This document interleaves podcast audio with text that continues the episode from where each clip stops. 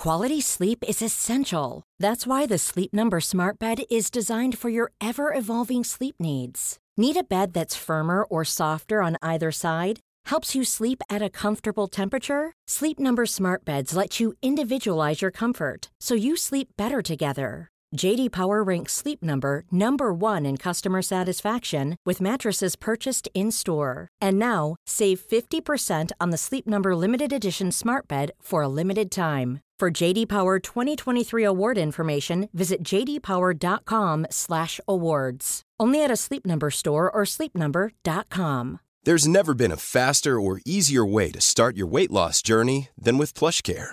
PlushCare accepts most insurance plans and gives you online access to board-certified physicians who can prescribe FDA-approved weight loss medications like Wigovi and Zepbound for those who qualify. Take charge of your health and speak with a board-certified physician about a weight loss plan that's right for you. Get started today at plushcare.com slash weight loss. That's plushcare.com slash weight loss. plushcare.com slash weight loss.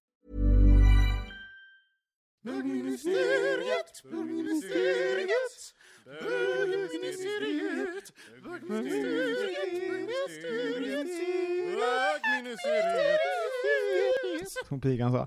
Hej och välkomna till bögministeriet. Mitt namn är Robin Olsson och jag sitter här med Micke Kasanovic Hej! och säsongspremiärskan Kristoffer Wallercrantz. Hallå ja, hallå ja. Ja, vad roligt att vara tillbaka. Ja, det tycker du om va?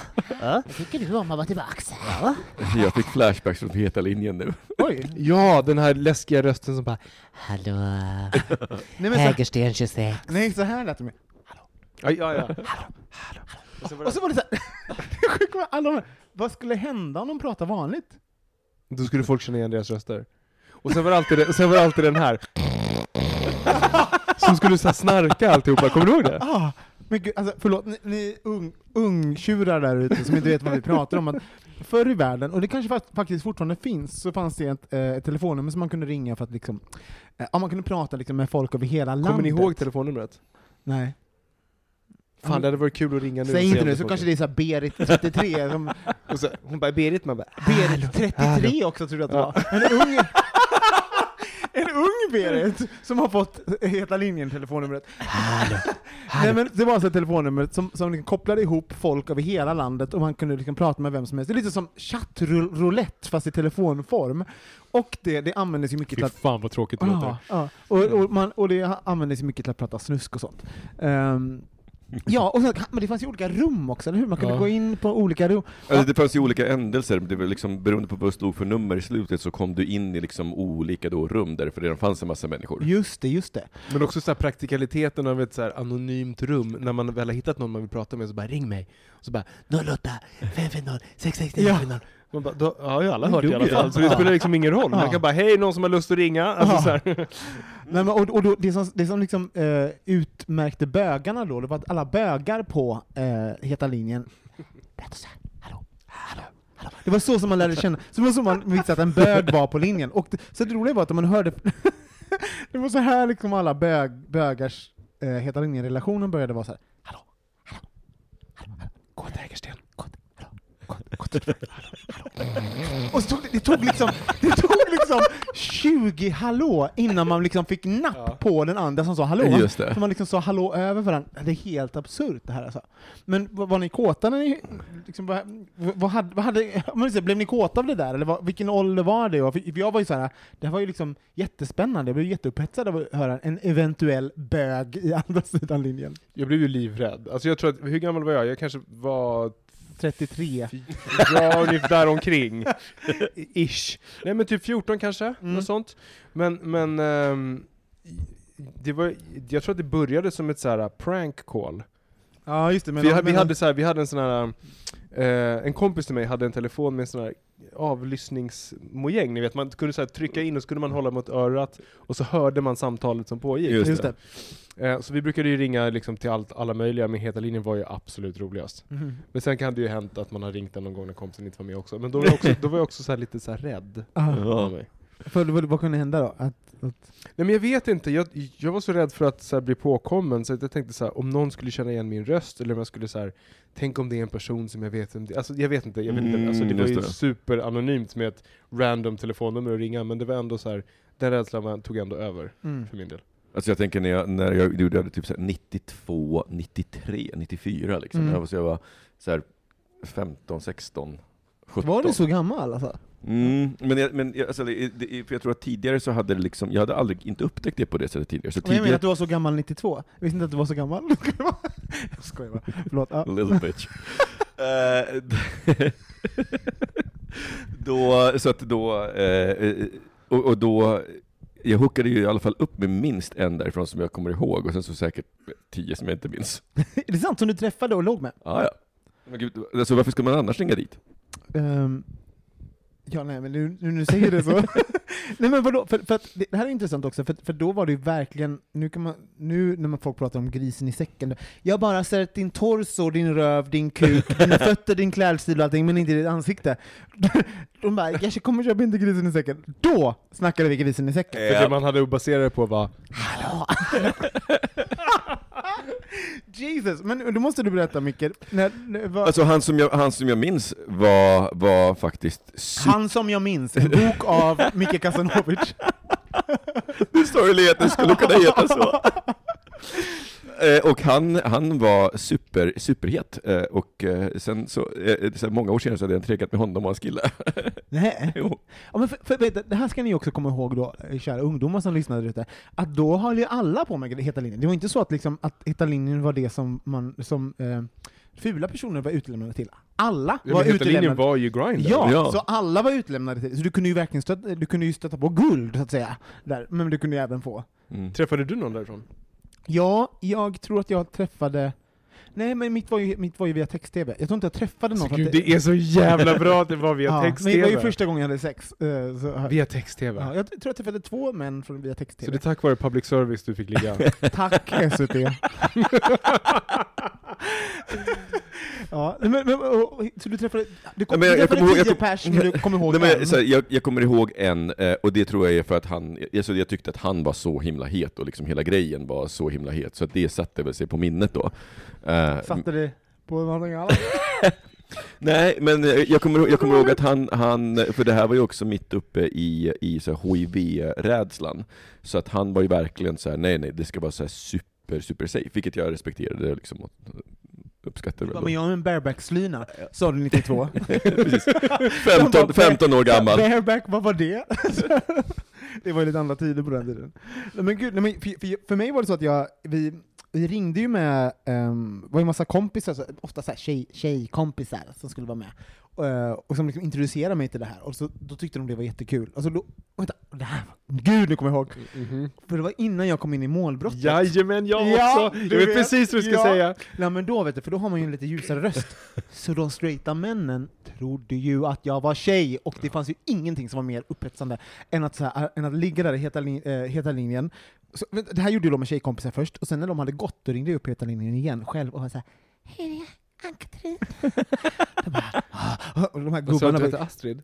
Ann-Katrin. Ann-Katrin? Eller vad eller vad man nu heter som tjej. Ann-Katrin. Ann-Katrin! Ja, nej, men så, och så ringde jag upp och så var jag såhär, han bara ah, ah, vad gör, vad gör du då? Jag tar på mig själv. Och, de bara Åh, kan jag få göra din fitta? var det någon som sa någon gång. Och jag bara Fy! Och då tog jag såhär, drog med fingret, då fick jag jättemycket saliv mellan, eh, mellan läpparna, så bara och jag tyckte att den, jag hade ingen aning hur en fitta lät. Det måste vara plaskigaste fittan i mannaminne. Och hon var plaskvåt Ann-Katrin och de blev så kåta på det här. Ja, Jesus Christ. Så det var jag. Och sen så, när jag väl kom in i målbrottet, då blev det liksom som en story när de började, jag bara Ann-Katrin. De bara, du är kille, eller hur? Man bara, Nej, jag är lite förkyld. är du en kille? Klick! Och så, så bara, ja. Det var ju hemskt när jag var tvungen att liksom bli då, Men det fanns ju någonting, så här, någonting i makten av att så här, när man inte ville längre, då la man bara på. Ja. ja, Så bara, det så här, då var det helt borta, som att det aldrig hade hänt. som, en, som en blockning på Grindr. Exakt. Fast det här är ju ännu mer, för det här är ju också så här. Det är väldigt svårt att veta, dels liksom, det är ingen som spelade in, det fanns liksom ingen, fanns ingen spår av det. det möjligen om det hade spesat teleräkning så stod det liksom att du hade ringt det numret, men det var ju också ett nummer som inte sa så mycket, det var ett lokalnummer. Men visst är det intressant det här med hur hemliga, eh, alltså hur hemligt det var? Förstår ni? Det här med alla bögar skulle vara så hemliga i rösten.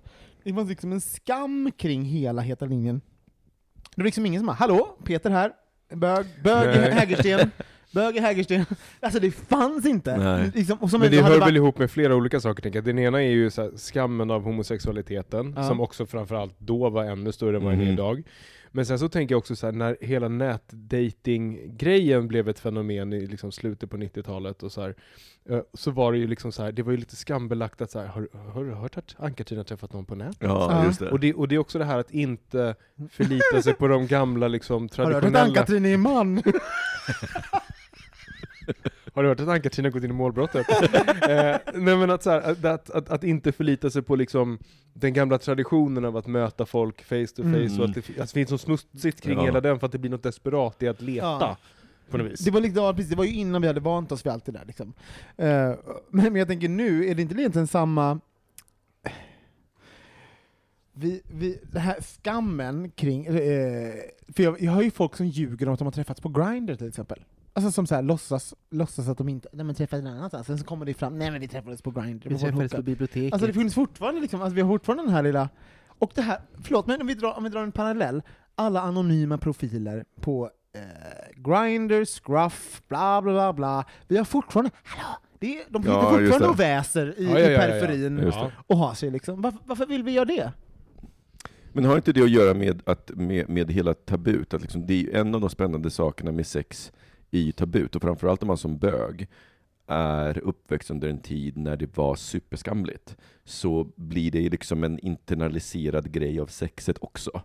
Och, och då vill man liksom fortsätta, för jag kan känna igen det där i, i mig själv, att liksom i vissa situationer så, så gillar jag att uppleva samma saker som jag gjorde när jag var liksom tonåring. Alltså så här, cruising till exempel, det tycker jag ju fortfarande är superspännande.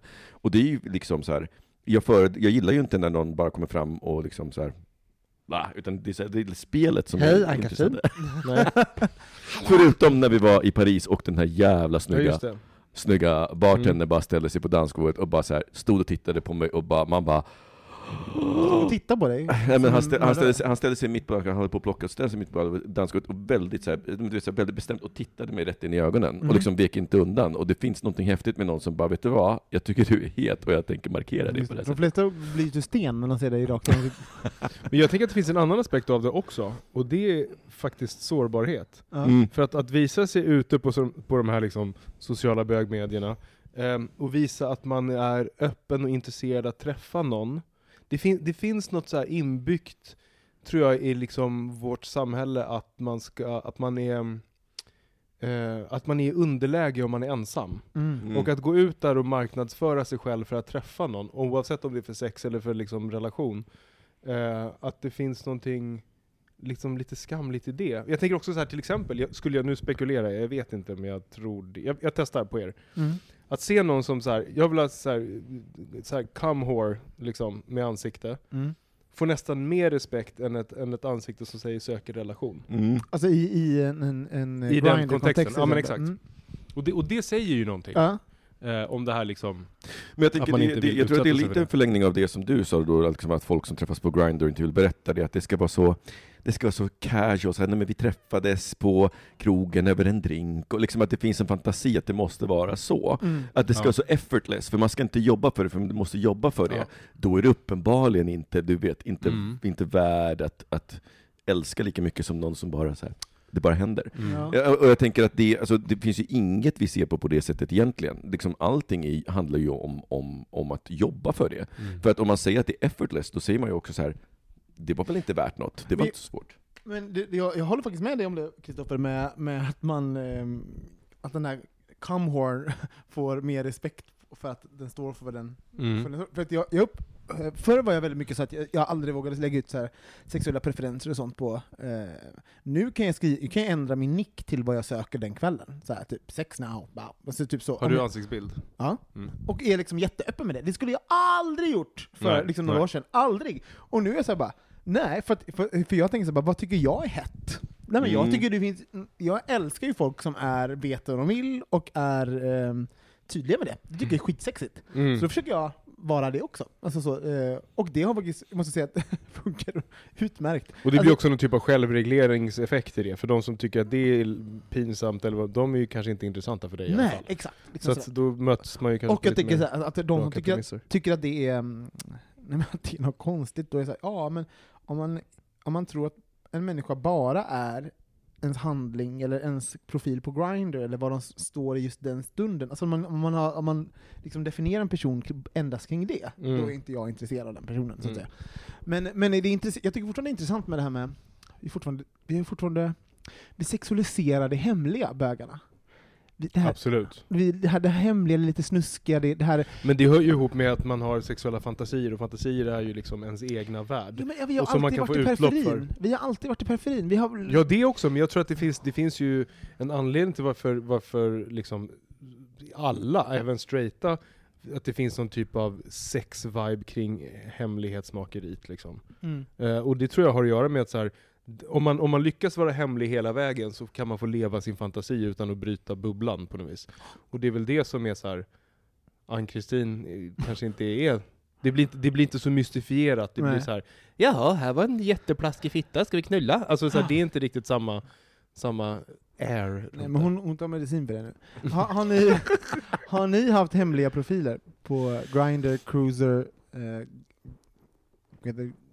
Romeo och allt vad det är? Jag tror att jag Jag har har... inte visat face i alla fall. Ja, men- jo, men det har jag på. eh, nej, jag har faktiskt inte det. Eller jo, alltså jag har ju haft hemliga profiler som, för, eller profiler, så här, ett helt lager, men, Ja. men såna, bara för att så här, sexchatta. Ja, Men, pratar men aldrig för att gå vidare med någonting. Nej, nej, men det är de jag pratar om. Jag pratar om Så jag, är alltså den, jag har också varit den personen som alla skriver på Grindr att de hatar att snacka med, den som bara tar upp massa tid. Men som inte Ah, träffar dem. Okej, okej, okej, den är du. Den, den är jag. Sorry.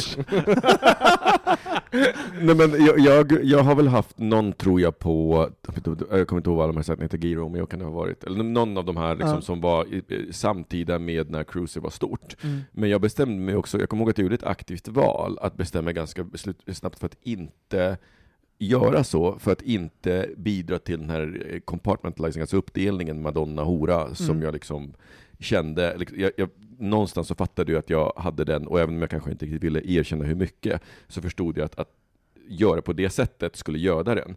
Så det var ju också en träning för mig att faktiskt vara okej med att Mm. jag är inte antingen hora eller Madonna, jag är en både och. Mm.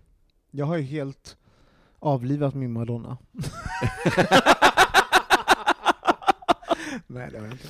Nej, men jag har, nog, jag har också haft hemliga profiler. ehm, och, liknande. och de har fyllt sina syften, för det finns också sådär... ehm, nej, men det finns ju tillfällen som vem man, alltså man inte vill ha frågor om någonting annat än om sex. Att det finns en jättetydlighet i det. Liksom. Mm. Och vill man då inte sätta sin kuk framför sitt ansikte, då finns fyller ju en hemlig profil, eller en anonymiserad profil fyller ju verkligen sin funktion. Mhm. Om inte man vill vara den personen som visar kuk och Mm. ansikte. Så att säga. Men Men intressant! sen har, det väl, sen har det väl också att göra med vilken, eller vad skulle du säga, intressant Nej, men att... du, har, du är chatterskan på Grindr. Jo men jag, jag, jag var ju det när jag hade, var, hade Grindr, absolut. Men det vad har fick jag... du ut av det då? Vad var det du gjorde? Du- Folk säger till dig, hej hej, vad, vad söker Jag du? fick ju ut någon typ av jättekonstig, eh, så här, för stunden bekräftelse för min fantasiperson. Just det, för, Det var, för att grejen är så här, jag har, eh, när jag, när jag eh, så här, först var jag ihop med Mårten jättelänge, innan Grindr kom. mm. Så att jag var ju liksom inte med i, i första generationen och andra generationens Grindr liksom. Sen hade jag en period när jag var singel och då hoppade jag på där. Träffade väldigt få personer, typ tv- två eller tre personer. Eh, som inte alls blev något liksom så. Men jag, jag tror att det hade att göra med också så här, vart man känner sig trygg och vad man känner sig självsäker i. Och jag har aldrig varit så här skala bort huvudet och bara se på min härliga kropp. Det har liksom aldrig varit min, Mm. min grej alls. Utan jag har varit så här, om jag ska flirta med någonting så måste jag använda mitt utropstecken och av det jag har så får det vara mitt ansikte. Så här, för det var det jag kunde någonstans här, vinna en battle med med någon annan liksom. Och jag försöker säga att jag är snygg. Men, men, men, så här, nej, men förstår ni vad jag menar? Ja, ja, men jag fattar. för jag har aldrig haft det här liksom He-Man-pexen, eller liksom Mhm. så här, och inte heller varit bekväm att, att um, objektifiera min kropp på det sättet. Så att jag har varit så här, om jag ska göra det, då skiter jag i det. Mm. Mm. Så därför så var det också så här, face, och då var det på riktigt. Eller så var det någon så här helt random, liksom, torso från internet som snackade med folk. Gud vad härligt! Du måste, men vadå, måste vara folk, skrev inte kompisar till dig då? Folk som du kände? Som inte visste nej men de som var det, då kände jag så här: nej här ska inte jag fortsätta för det blir... Är det säkert, lovar du? Att ha, har du pratat med någon av oss? Nej inte med någon av er har jag inte pratat med. Det- Det lovar jag. Alltså, ser du vad lurig han ser ut? Nej, men, nej, men, grej, nej, men, fast, fast samtidigt så är grejen så här, ja, men om det nu skulle ha hänt, Jag har inga problem med det. S- Nej, alltså... Nej, jag har sett värre saker mer, ja, herregud. ja, dels, det, det, dels är det en sån sak, och sen så, det- är sånt som händer. Alltså på riktigt, jag är så oneurotisk. Jag har ju haft kompisar som har skickat, för det var, det var under ett tag, alltså, jag, har, jag har ju liksom eh, använt Grindr väldigt sporadiskt, liksom, i och med att vi har öppen relation, och så ibland liksom när jag är ute och reser. Eh, och sen så, ja men det var någon gång när jag tror jag hade precis bytt bild, och de ska ju godkänna bilden först. Eh, men så, så, liksom, så var det typ att jag inte hade profilbild, det var liksom bara ett frågetecken vad de hade. Och så eh, var det någon som kontaktade mig, och liksom, all, så, så var det lite för snabbt liksom, i första mässigt skickade en kukbild. Eh, och jag bara... Eh, Thomas! Jag bara, förlåt. vi, känner, vi känner varandra, och så, men då sa, jag också, så- då sa jag också vem jag var, och så sa jag det bara, jag bara, jag, jag, så här, ingen fara själv. Liksom. Så, så, för vad ska man göra? ja. Men, alltså jag har ju varit med om en sån här grej när jag var inte, alltså så här, och det här var på cruiser-tiden. Mm. Ehm, då hade jag faktiskt inte någon uh, ansiktsbild. Jag hade nog ingen bild alls tror jag. Nej, men du, du, jag vet inte varför, men jag får för mig att du är en sån där lite lurker. Nej men jag är inte det, jag är inte det. Men då hade jag ingen bild alls. Men jag började snacka med någon kille som inte heller hade en bild. Och så var det så här, ah, så här nice konversation. Sen kommer bilden. Och den visar ju liksom allt. Den visar även att det är min släkting. Och då kände jag bara så här, det här kan inte jag hantera. Så jag bara, klick bort, försvann. Och Ja. bara så här, för jag, jag fick sån panik Ah. av den känslan. Och efter det var det så här, om jag ska snacka med någon på riktigt, då ska de fan veta vem det är de tar Ja. och pratar med. Liksom. Men det finns en hel hög med såhär, um, hem, alltså som uh, uh, fake-profiler ute på Grindr och Scruff och liknande, så vars enda syfte är att liksom så här, få reda på vad man tycker om i sängen. Alltså jag har varit med om det så många gånger va? Eh, Och, sen så, Mm. och de använder samma bilder också. Och så vill man ska skicka kukbilder och rövbilder, och de vill veta om man, vad man är, eh, om man knullar oskyddat eller skyddat, vad man gillar i sängen, bla bla. de vill bara ha information Mm. och vill se liksom så här, en, ens kropp och kuk. Och jag är så här bara, men det här är ju information du kan få utan att du har en fake profil. Alltså jag, jag har inget, liksom, jag är en skamlös person. Jag kan inte fast du är ju inte, du är ju inte representativ för Nej, folket fast jag vet att det är samma person, jag är typ samma person. Jag vet, vet ju några stycken som gör, jag vet typ vilka det är också, det är inte så svårt för de är ju okonsekventa också. De, ibland har de skickat någon, om det är så här, Ja, just det. Ja, men det är så här, folk är ju dumma i huvudet, de tror att de är, att de är som små, att de är spioner. Man bara, Mm. mm. okej, men folk pratar också med varandra, och till den här Mm. personen skickar de här bilderna. Så att, eh, det Mm. kan man ju veta att så man bara, det är så, bara så intressant att folk har det behovet av att veta saker om, om andra personer. Att det är Mm. jättespännande att veta folk, hur folk knullar. Och, Det är, eh, skvallerma- det är skvallermat. ja, men, och, och, att liksom, och det här Men tror du med... att de gör det för skvaller? För jag har alltid tänkt att de gör det för att de tycker att det är så här häftigt. De vill liksom inte gå hela vägen, men de tycker det är häftigt med den här bilden. jag, jag, Jaha, tror han att det, jag tror att det finns dem, absolut. Men jag tror också, i Stockholm till exempel, om man gör det, så, så skulle jag tro att det är också för att så här, då vet man någonting om de här andra. Och man liksom, för det finns ju så här, det finns ju, vare sig man vill eller inte erkänna det, så finns det ju ett, liksom, ett visst lager i Stockholms gayvärld som inte är, tycker jag helt ärligt, superhärliga i förhållande till varandra. Mm. Eh, och där, där det blir liksom vapen, om man så vill. Mm. Liksom att sätta dit folk och vara så här, men du vet ju hur Robin är. Mm. Ja. Ja, jag Han fattar. ligger ju där och tar emot. Alltså så här, Fast, jag, fast vet du, jag, jag, har, jag, Kristin. jag har ju tänkt på det där, och för mig så, så är det så här, alltså förlåt, men om någon sitter och snackar så om mig, jag skulle ta det som en så jävla komplimang. För att om ditt liv Mm. är så ointressant, eller så här, om mitt liv är intressantare att prata om än att leva ditt eget, Mm. fuck vad mitt liv är bra. Mm. absolut, men det kräver ju en viss nivå Ja, ja, ja, men såklart. för att kunna Ja, men, så, ja, ja, men, ja, men såklart. Det, alltså, det är ju ingenting som jag skulle ha gjort för tio år sedan. För tio år sedan så var ju liksom... Då var det ju livet över. Ja. riktigt Ja, men exakt. Så hela Ja, men den, är, den är faktiskt rolig, vilken, vilken skillnad det är alltså, om man tänker jämfört med mig själv nu och, och eh, för ja, men tio år sedan. Om, Ja. eh, jag är ju så bekväm med sånt här nu. Så jag så här, ja men gud, kukbild, får veta vad jag gillar i sängen. Ja, good luck with that information, nu går vi vidare. liksom sådär, liksom. Mm. ja, ska vi ta en jingle på det? Det, det gör vi!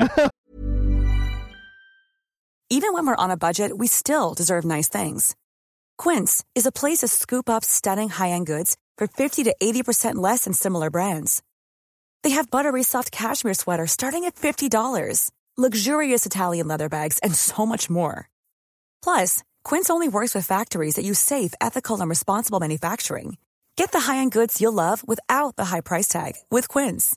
Go to quince.com slash style for free shipping and 365-day returns. A lot can happen in three years, like a chatbot may be your new best friend. But what won't change? Needing health insurance. United Healthcare Tri Term Medical Plans, underwritten by Golden Rule Insurance Company, offer flexible, budget friendly coverage that lasts nearly three years in some states. Learn more at uh1.com. There's never been a faster or easier way to start your weight loss journey than with PlushCare. PlushCare accepts most insurance plans and gives you online access to board-certified physicians who can prescribe FDA-approved weight loss medications like Wigovi and Zepbound for those who qualify. Take charge of your health and speak with a board-certified physician about a weight loss plan that's right for you. Get started today at plushcare.com slash weight loss. That's plushcare.com slash weight loss. plushcare.com slash weight loss.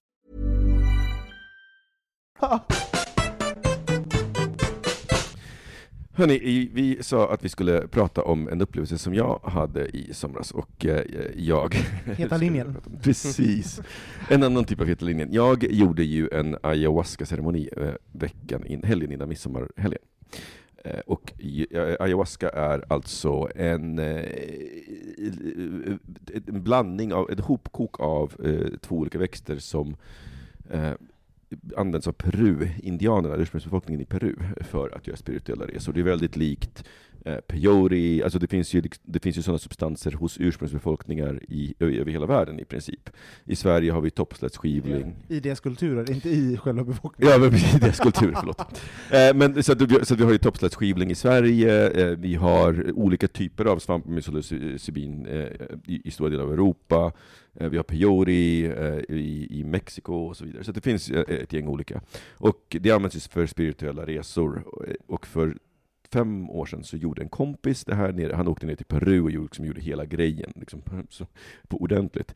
Och skrev en dagbok och jag fick läsa den och jag blev så himla intresserad därför att han och jag var väldigt lika innan han gjorde den här grejen. Vi var bägge två väldigt eh, mycket i våra huvuden, använde logik för att eh, Eh, jag ska, säga för att vara skitstövlar mot andra människor. Jag kommer ihåg en, en diskussion som eh, den här kompisen hade med en annan kompis om tro. Och det är svårt, att här, man kan inte attackera en person som tror med logik. Det går inte, för det, det är orättvist, för tro är, om du kan bevisa en tro, då är det inte en tro längre. Då, så så att det är inbyggt i tro att du måste, det finns ett element av att jag vet inte, men jag tror det. Så. Eh, och eh, han gjorde det här med intentionen då att sluta vara i huvudet och vara med i känslorna och fick ut jättemycket av det och jag har sedan dess velat göra det, men alltid haft den här respekten för psykedelika. Jag har alltid tänkt så här, gud, tänk om det går För det är skogen. vad det är helt enkelt. Det är vad det är. Alltså det, det, det, är- här, det, Det är finns naturens LSD. det är naturens LSD. LSD är faktiskt ett sätt att försöka så att säga, kemiskt skapa psilocybin. Och man har lyckats väldigt väl just med LSD. Då. Men, men, men det, så det, alla de här substanserna är, är, är i princip så att säga, snarlika effekter. Eh, Och, och såklart, man ska ju ha respekt för det. Så jag har liksom dragit ut på det och nu, och alltid tänkt så här, jag måste till Peru och göra det här. Eh, sen började jag upptäcka att numera i Peru så finns det en jätteturism kring det här. Och eh, därmed också, eh, i och med att du inte är garanterad att det, det är inte så att bara för att du tar ayahuasca så kommer du att få en tripp. Det kan lika gärna vara så att du inte känner någonting alls. Och då, för, då blir, åker folk dit och så är de besvikna för att det inte var den här trippiga upplevelsen där de såg whatever. Så att då har då mindre nogräknade arrangörer börjat smuggla in andra saker i ayahuascan. Du känner ju inte smak, alltså smaken är väldigt stark så att du kan precis smuggla ner vad som helst i det. Och då, alltså, då får du en, en, en ordentlig tripp. Eh, och då, parallellt med det så hittade jag Men är resultatet detsamma? Nej. Jag skulle vilja påstå att det inte, att det inte alls är det. Så länge inte det är typ LSD de smugglar ner, som då är, är kanske mer garanterat en tripp.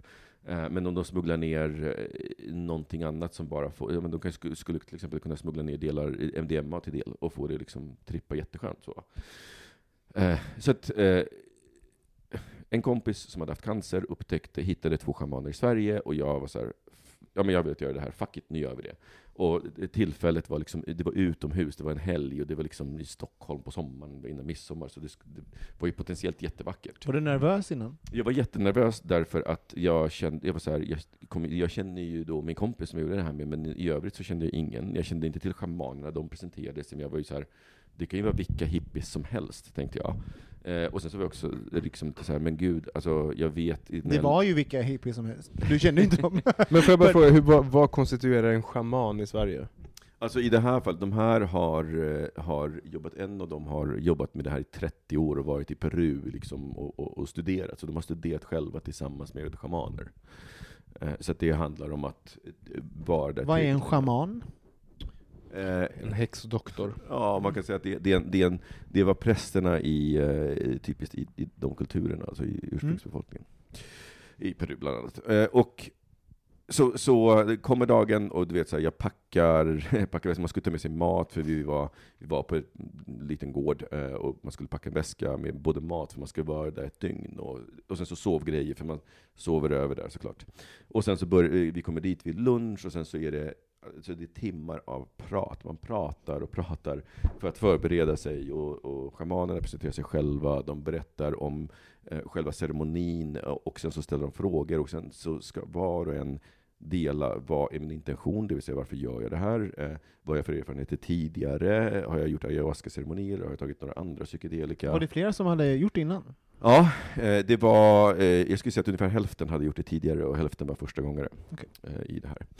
Och eh, tanken var också att man då ska få lära känna gruppen och eh, shamanerna så att man blir, känner sig trygg nog att, att fortsätta med själva. Så att, eh, så att säga, katoffeln när man inte längre, när man, när man måste bestämma sig kom precis innan ceremonin började klockan sex på kvällen. Var det någon som åkte därifrån?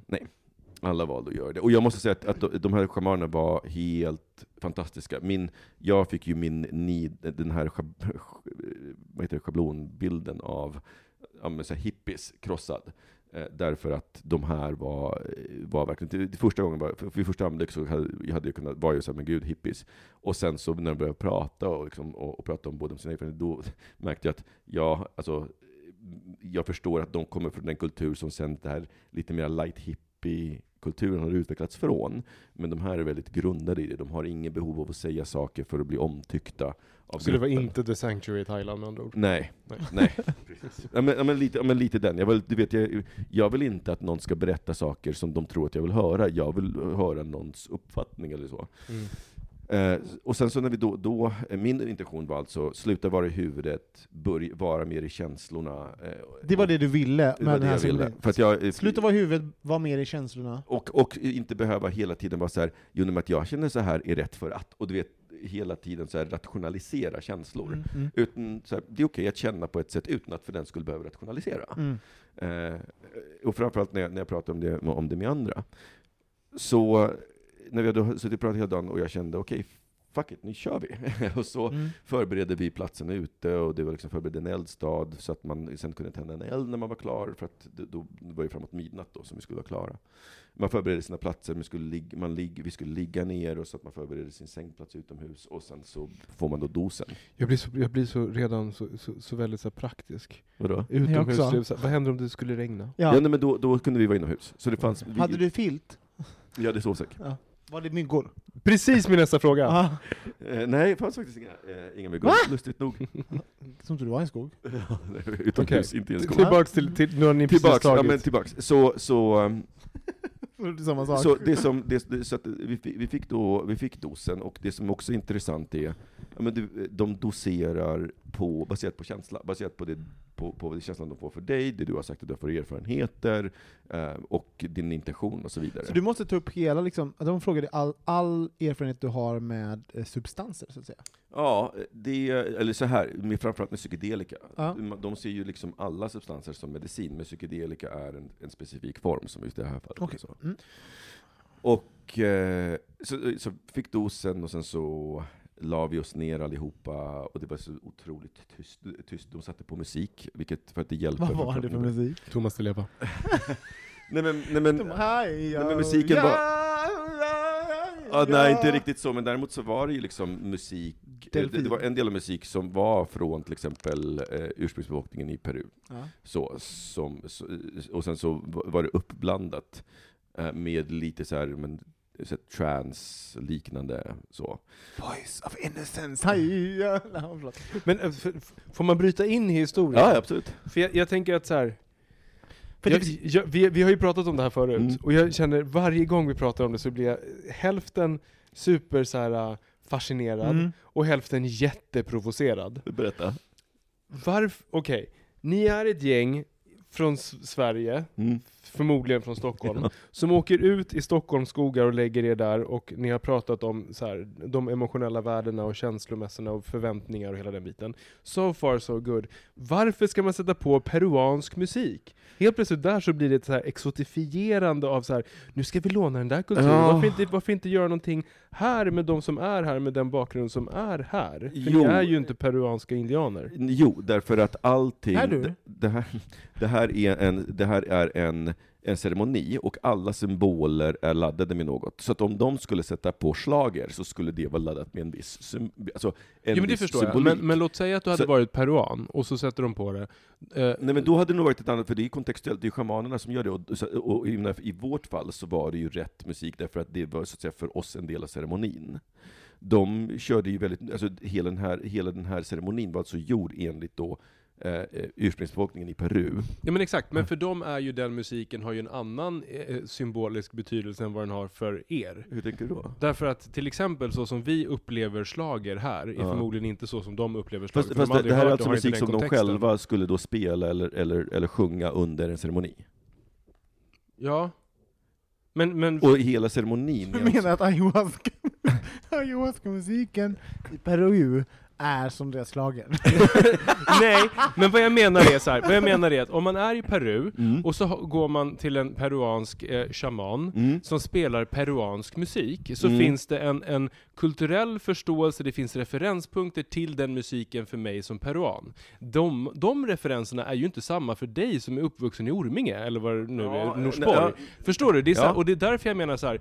helt plötsligt så lånar vi ett element utanför sin kontext förutom substansen. Fast det är inte utanför sin kontext, för allting de gör, i, alltså hela ceremonin, inklusive att man ligger ner, det enda som vi inte hade lån, eh, lånat i princip, det var, vi kunde inte ha en, liksom, en hydda i djungeln, men det var därför det var utomhus. Så att liksom, de är utbildade av ursprungsbefolkningen. De kunde själva sjunga de här, de här sångerna, så att ibland så sjöng de istället. Så att det, det, det, Men, det och- blir men ett, men fatt- det blir, Jo, ett paket först- i Fattar konceptet. du vad jag menar? Jo, jag förstår vad du menar, men jag, Jag tänker förstår också, inte. Jo, men, men, men du, du, är, eh, du, du är en realist och pragmatiker i, i, i sådär, att du bara, hur kan, det, va- hur kan det ha någonting med upplevelsen att göra? Hur kan, hur, Ja. Egentligen borde din, din, det som peru, peruanerna får ut när de lyssnar på musiken, borde du rent logiskt få ut av att lyssna på någon annan musik. Ja, Som- fast, som det, är- fast få- det är ju inte text. Det är, Nej. ing- det är inte, det är inte Fast så jag att de vill- sjunger Nej men det är ju rytmer också, du kan ju höra på en rytm om den är från Afrika eller från Fast, fast, Kina. om vi släpper det bara, om vi bara släpper så här. jag tror också att vi, vi är, ehm, att vi kan också, måste, måste släppa för det här ska fortgå, att ibland så, vi kanske måste lita på att den peruanska musiken behövs. Så här, för att vi inte förstår. Alltså, och det var inte bara peruansk musik, ibland så var det musik från Goa, alltså ibland så, så, så att de varvade. På samma sätt som när man går på eh, eh, meditation, så, Ja. sätter, så sätter en eh, med, meditationslärare, den som Det, har meditation- exakt, Jo, och det, och det, jag har samma problem med bestämmer- det när man går på yoga på sats, och de Nej, bara men- namaste. Nej, men, Man okej, bara, men om man går, men man går hos någon som man tycker om, en, en, eh, någon som har meditation, som, bara, som, som har valt den musiken, så litar man på att den musiken sätter det i en sinnesstämning som de vill att den ska. Samma sätt hade de här Ja, eh, Precis. valt den musiken. det finns alltså magisk musik som sätter folk Nej, över hela jorden det i på en- samma Nej, sinnesstämning. men som sätter det, det är just de personerna i Nej, den fast- sinnesstämningen som men de jag vill. Förstår, jag förstår vad du menar, men Kristoffer, du ska tänka på att de, de, som har mest erfarenhet av ayahuasca är alltså ursprungsbefolkningen i Peru. De har jobbat med det i, i, i Jo men det, hundratals det, år. jag, jag, Så att musiken som har utvecklats för det här har alltså utvecklats för, för att hjälpa folk under de här resorna. Tror du... Så det är ayahuasca-musik och inte peruansk musik? Ja, så kan man säga. Okej, då är jag med.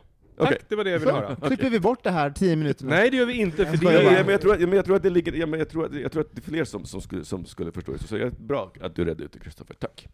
Eh, Men så började, så, så gick jag igenom, för det, det här gjorde jag, jag hade ju mediterat i ett år innan och liksom funderat, så jag hade liksom grundläggande tekniker, så jag lägger mig ner och, och är lite orolig över att jag ska bli så inne i det visuella att jag glömmer bort resan. Du vet, för de varnade ju för det. De, de sa det att egentligen så skulle man göra det här i ett mörkt rum, men det är väldigt svårt, framförallt som nybörjare, att göra det utan någon stimuli, stimuli som helst.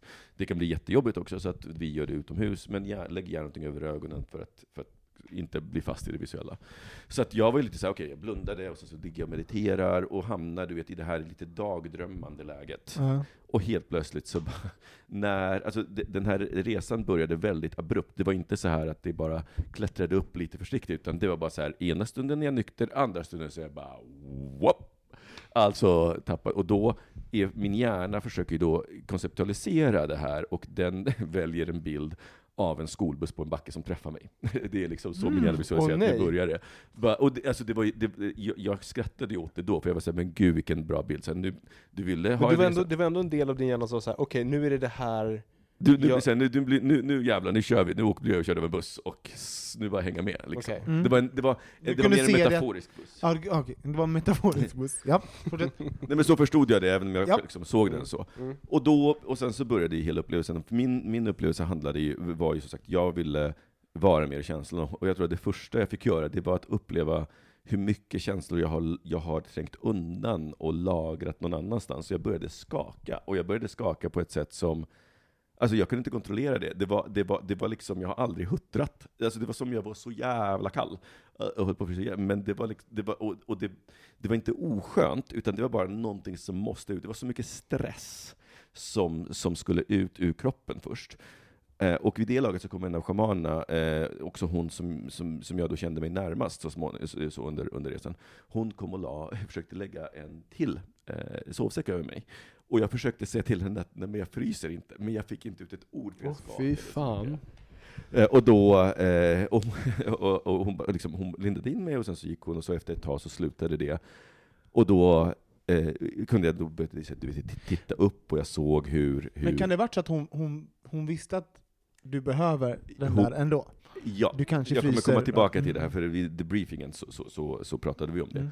Och eh, jag, eh, då, då, då, det var liksom som att jag behövde få undan det där iväg. Jag behövde liksom verkligen känna allt det där för att sen kunna gå vidare till nästa steg, som handlade om att visa mig hur mycket energi jag lägger på att kontrollera saker i onödan. Mm. Och det är ju, låter ju som, det så, alla vet ju att så här, men mass- alltså, kon- överkontroll är inte bra, och det visste jag ju, men jag kände det inte. Det är Mm. som skillnaden mellan att någon säger åt en att men, du är snygg och flörtar med en, och att man ser sig själv som vad fan, jag är snygg. Alltså den skillnaden. Mm. Och så att, det här var, det här, vid det här laget, så här, folk ligger ju still, vi, vi, vi, vi pratade inte med varandra. De, om vi pratade så var det bara med shamanerna. Vi fick inte interagera med varandra för att vi måste respektera alla andras resor. Och folk kräktes, och det var liksom väldigt våldsamt. Jag var Det är en ganska vanlig reaktion, va, Det är en vanlig reaktion, sånt. precis, kräkas och eh, ty- tydligen explosiv eh, diarré, eller expl explosiv Nej. eh, bajsande. Mm. För mig så var, jag gick på toaletten fyra gånger, men det var inte, liksom, det var inte så att... Hur var det då? Hur var bajset? Men, hur, nej, men på riktigt, hur var det att gå på toaletten i en sån tripp? Nej men det, det roliga var, det, det var ju det som var grejen. Det, det här är enda substansen jag tagit där jag kunde säga stopp. Va? Det är nog nu. Jag behöver en paus. Och då, då pausade, då, alltså, det var som, och det var som, Bajset pausade då? Robin! det var, det, var, det, var, det var som att trycka på paus på en, på en film. För att, sen, för att då kunde jag, antingen, ibland så, det var liksom när jag behövde gå på toaletten, och visst, jag, det var inte så att jag gick och kände gud vad nykter jag är, men det var liksom inte så att jag såg saker överallt. Det var, jag, var, jag kände mig liksom, och jag kände mig väldigt trygg fast jag gick själv, för toaletten låg en bit bort. Och de gånger som jag behövde pausa och bara titta upp, då kunde jag titta på himlen och liksom, den var så otroligt vacker och färgerna var så otroligt vackra. Och, så att, och då var det verkligen paus. Så fort jag stängde ögonen, då var det som att trycka på play på exakt samma ställe som jag hade lämnat. Alltså det var, helt, det var, det var faktiskt Ballt. helt galet. Och, ehm, det var också, eh, och eh, då släppte också, dels så släppte min oro, för jag, jag upptäckte att man måste inte kräkas, ett. Mm. För jag låg och väntade på, okej, Du, har snart ju, kommer min eh, kräkning. du är ju väldigt rädd för det också. jag, precis, jag tycker inte om att kräkas. Jag var så, här- så att efter ett tag släppte jag så här, men gud, jag, man behöver ju faktiskt inte kräkas bara för att Blir man snurrig? Blir man yr? Nej, det blir man faktiskt inte. Det är inte på det sättet. Utan det, det, som, hände, det, det som hände när jag blundade var det, det, det fanns lite visuella saker, men det var väldigt, alltså det var eh, som, som att jag var inne i mig själv och tänkte väldigt klart, liksom utforskade mitt inre kan man säga. Mm. Så att när, när, när jag då började, började tänka på det här med kontroll, så ju mer jag, så slappnade jag av och jag bara kände så här, gud vad skönt det är, gud vad skönt det är att andas och bara så här, med magen. Och, och det blev väldigt avslappnat. Och när jag blev helt avslappnad så började min, min högerarm att dansa. Alltså jag fick alien arm syndrome. Det jag, hade, du vet, jag, jag, Mhm. jag låg själv och kollade på min arm och bara Alltså dansade till musiken, det var inga tics, det var inte så att den gjorde samma mönster, den gjorde liksom ganska avancerad koreografi. Och bytte koreografi. voga där ute. Jag älskar Ja, men- ja, men Att typ- du bara, att du, bara, att du ger din arm ändå så här, du ger den cred för Mm. rörelsen den Mm. Nej ligger men, på. nej men för, att jag, för att jag låg själv och tänkte så här, gud vad bra den dansar, men det är ju inte min arm. Och i, Du bara Jasper, kom! Mm. Nej men du vet, och då, och, och då, började, då började jag tänka på det här. Då började jag tänka på det här, men gud, hur- om alla andra ser det här, gud vad konstigt det måste se ut. För att, jag menar, alltså, det var inte så att det var fingrarna, utan det var alltså, alltså i, ibland så lyfte hela armen, Mm. så att det och minst liksom hela underarmen som liksom hoppade omkring där.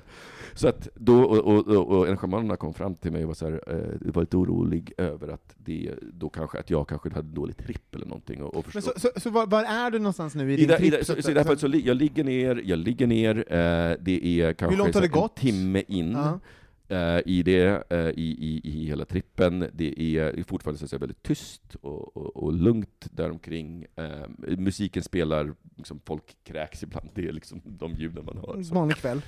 Och så, eh, och, och, så, och, så börjar mina, och, så, och så försöker han ge mig ett tips om hur jag, ska, hur jag kan göra om jag inte vill att min arm ska dansa. Så då testar jag hans tips att liksom hålla min arm, för att hålla min arm still.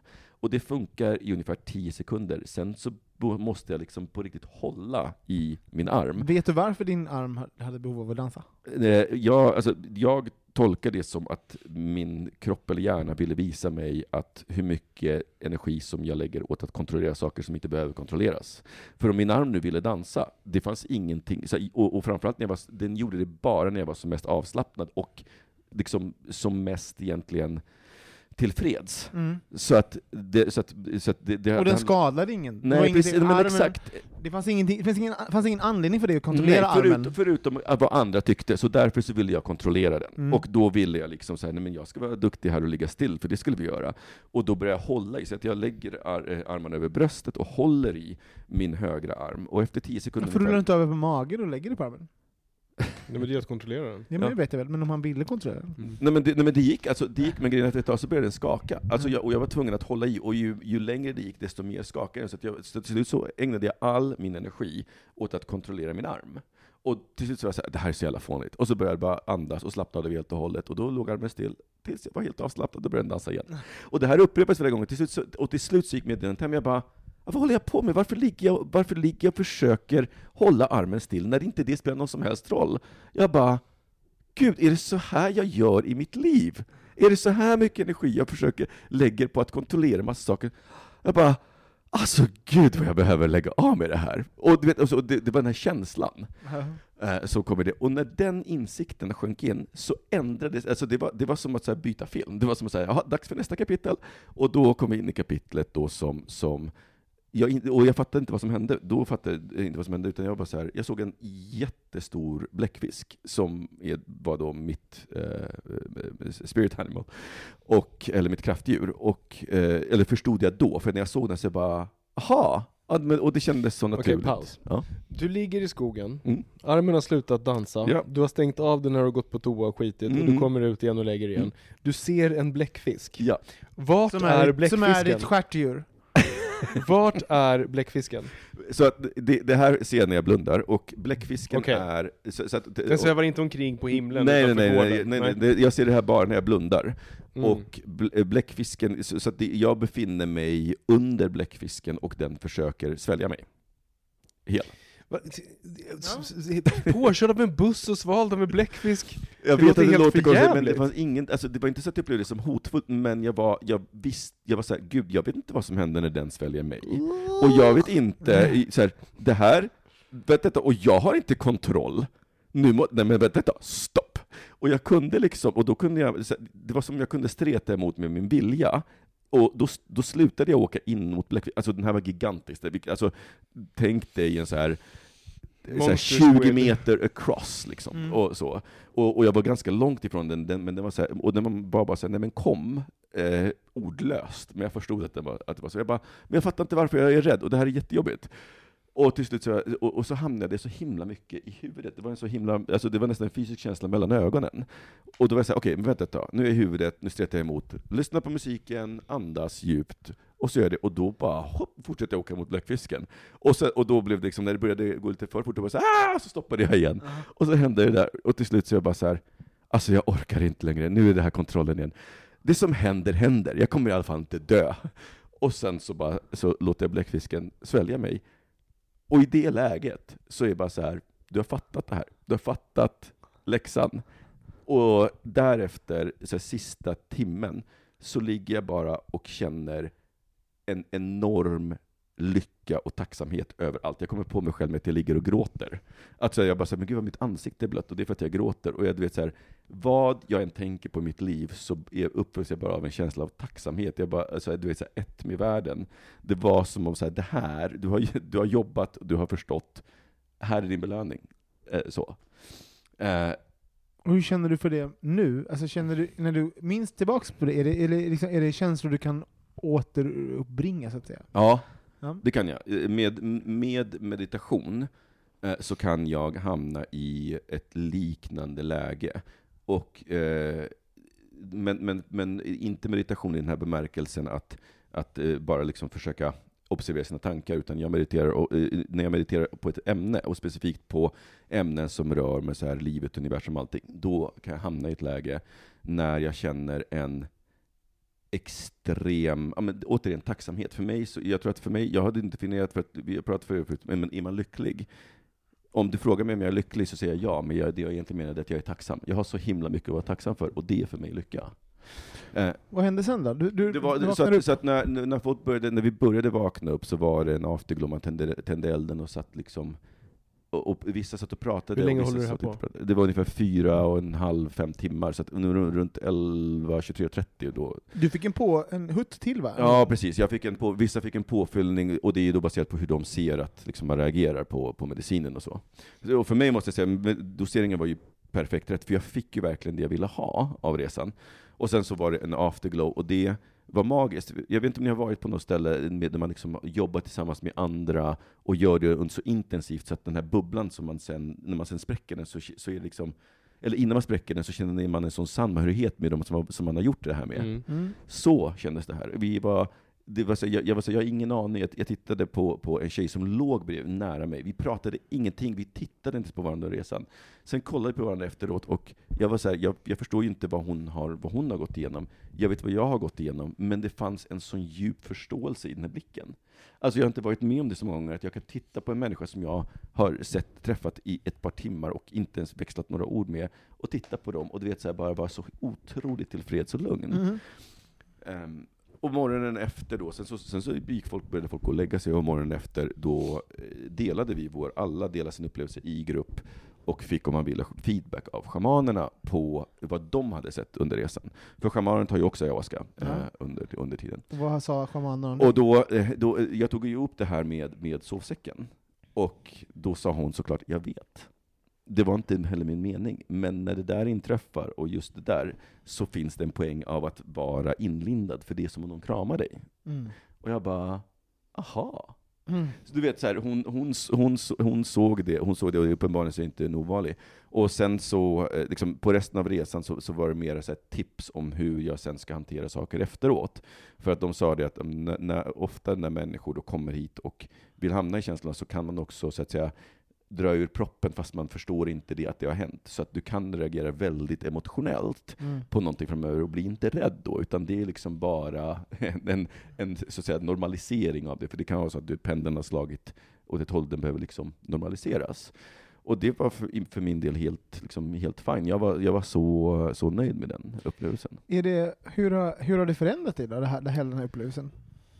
Eh, Alltså den, den, den ju- påverkat dig? Ja, nej, men det har, eh, jag ska säga fundamentalt har den eh, påverkat mig tillsammans med en senare upplevelse, eller den la grunden för en, för en nyare upplevelse, men, och de tillsammans har gjort, en väldigt konkret sak efter ayahuasca-ceremonin, är att jag har aldrig lyssnat på min kropp när det gäller mat. Jag har aldrig lyssnat på, är jag mätt? Är jag hungrig? Utan så fort någon har frågat mig på ett fik till exempel, vill du ha något? Då måste man ju ha något. Mm. I min värld så har det liksom inte ens funnits, bara, nej, jag vill inte ha något. Utan då är det alltid så här, men jag vill ha den här. Och sen när jag väl börjar äta, så lyssnar jag inte på att så här, men nu har jag fått nog, utan det är så här, när, när jag har ätit upp maten, då är det klart. Mm. Så att när jag öppnar en Ben Jerrys förpackning hemma, och då äter jag upp hela.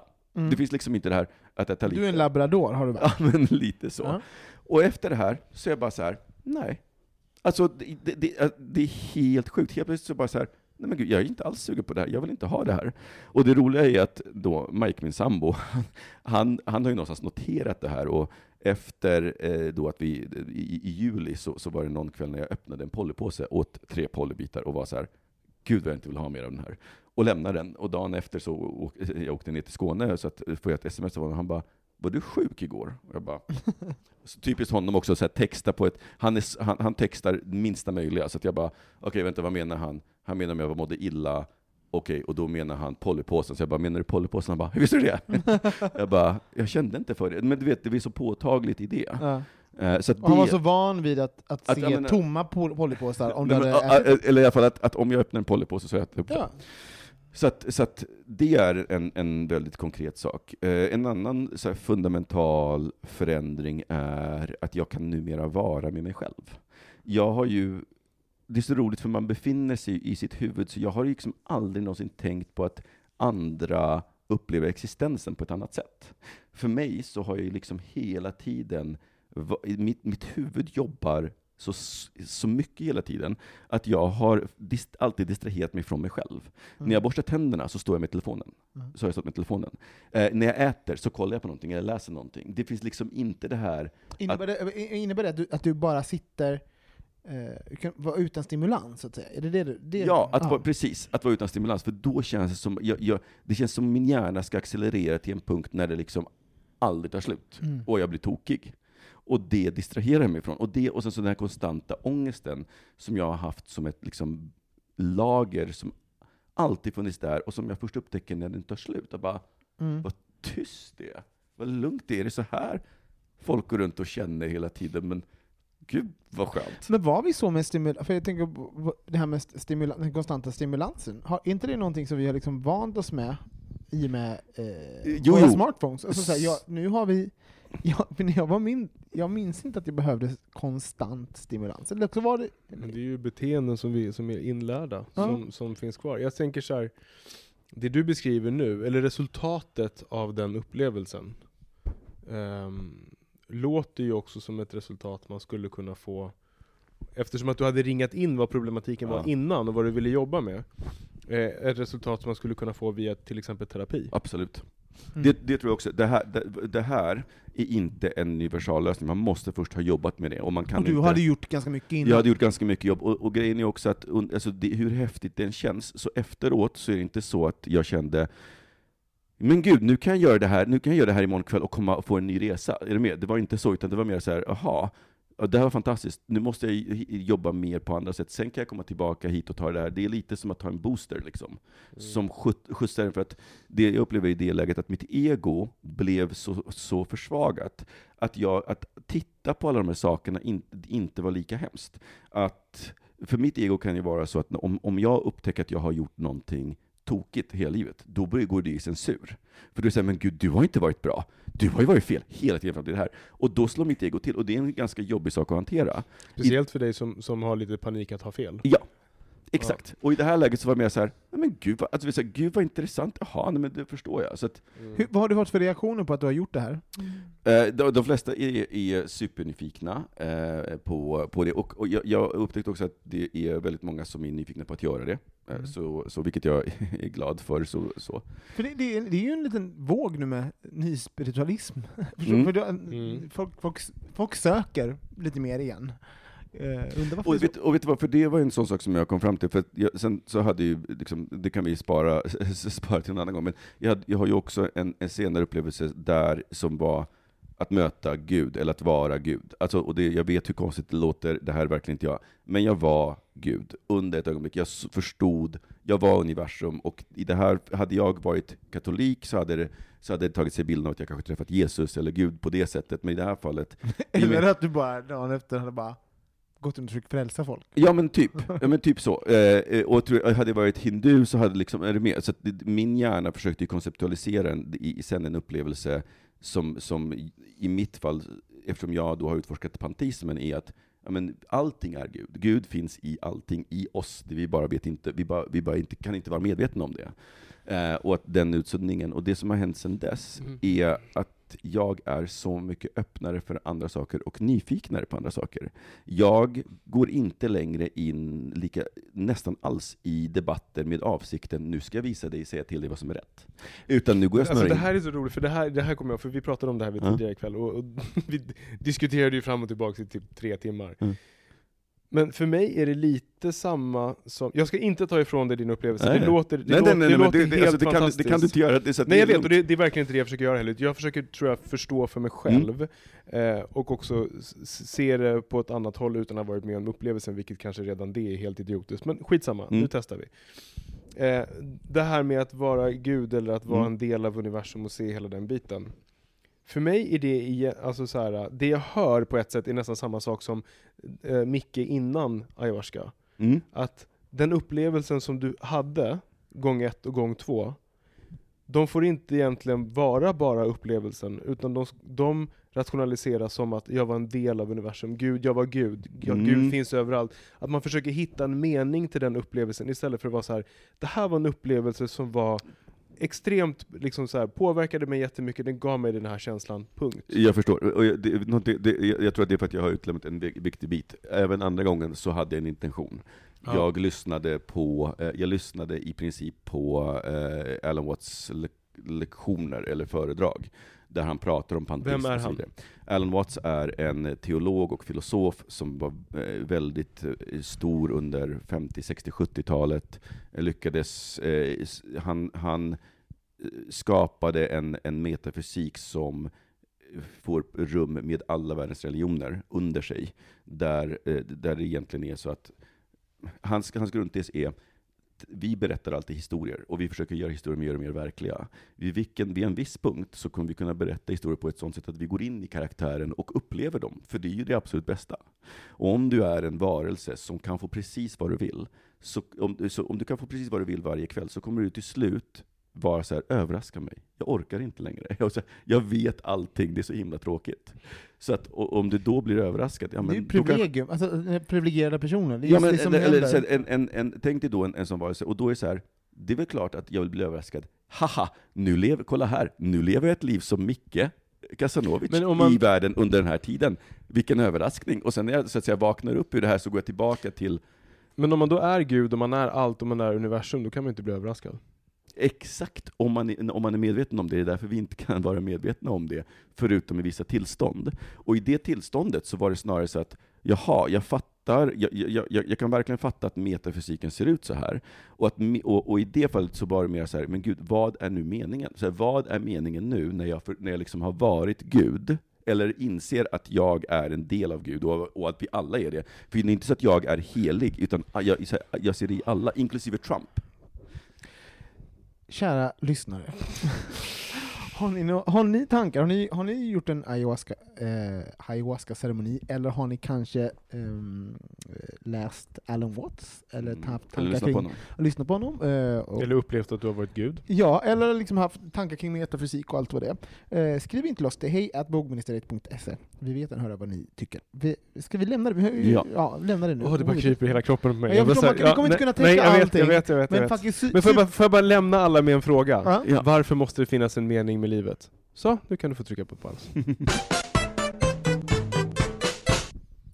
Jo, vi har fått en liten reaktion till ehm, eh, det här lyssnarbrevet som vi hade för två avsnitt sedan, där det var en kille som hade, men han hade ganska narcissistiska beteenden, han hade en kille och så hade han andra vid sidan om, och han gillade att bli sedd, och eh, han såg proble- problemet i att eh, ha den typen av beteende, och han undrade vad han skulle göra.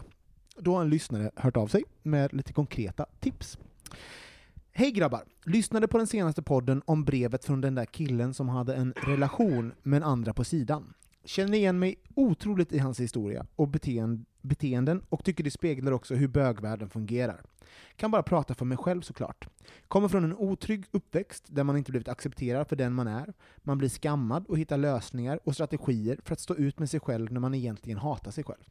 Själv blev min lösning alkohol, sex och droger för att fly från barndomstrauman. Själv hittade jag en klinik för sexberoende som har räddat mitt liv. Också haft, eh, jag har också haft eh, relationer med fina killar, men klarar absolut inte att ha, eh, inte att ha en fin kille, då min, känsla av att, med, eh, då min känsla av mig själv var på botten, och tvånget att förstöra var för stor. Eh, jag gjorde misstag på misstag som fick massor med konsekvenser, f- eh, fast jag visste att de gjorde, det jag gjorde var fel. Det kan man inte bryta själv, hur mycket man än vill. Hjälp behövs. Har själv sökt hjälp på en klinik som heter DBK och självhjälpsgrupper inom 12-stegsrörelsen. Många, upp, många behöver den hjälpen och den uppmärksammas inte. Vi förtjänar alla att älska oss själva för de vi verkligen är på, på riktigt. Ta hand om er och kul att ni är tillbaka. Kram och kärlek till er alla. Fint! Vad fint att dela med sig på det Ja. sättet. Jätte, jättefint och, och en otroligt viktig poäng. Och jag tror att så här faktiskt, att om man har det beteendet som vår första lyssnare skrev in och berättade om, eh, så kanske det inte heller är så att man går omkring och aktivt känner att man inte tycker om sig själv. Och det är viktigt att komma ihåg att när man läser, för det här är ju tips som är, kommer från en person som är har kommit till den insikten Precis. och därmed söker den hjälpen. Men, men eh, har man ett destruktivt beteende som är återkommande så kommer det av en anledning. Ja. Så att även om du känner att du kanske visst tycker om dig själv, titta på den saken och gå till djupet om det är någonting som du faktiskt vill Mm. förändra. Och då kommer man hitta massa saker på vägen. Och, Ehm, och, ja. och det handlar ju om mönster. Man säger så, att man gör om samma destruktiva mönster om Mm. och om igen, men man bara, men jag gillar ju mig själv, fast gång på gång på Ja. gång på gång gör destruktiva saker. Så DBK, och eh, det finns alltså 12-stegsprogram för eh, sexmissbrukare, eh, sexberoende eh, och liknande som man kan söka hjälp på. Mm. Och tack Eh. snälla lyssnare för att ni hjälper varandra. Ja, Mm. Superfint. jag älskar att bögmuseet har blivit någon form av, nej men det blir lite, lite hubbigt på något Ja, sätt precis. kring, kring ehm, ja, saker som vi går igenom och, och känner och tycker. Det är jättefint. Tack för att ni lyssnar, vi hörs igen nästa vecka. Det gör vi. Hej, hej! Bögministeriet,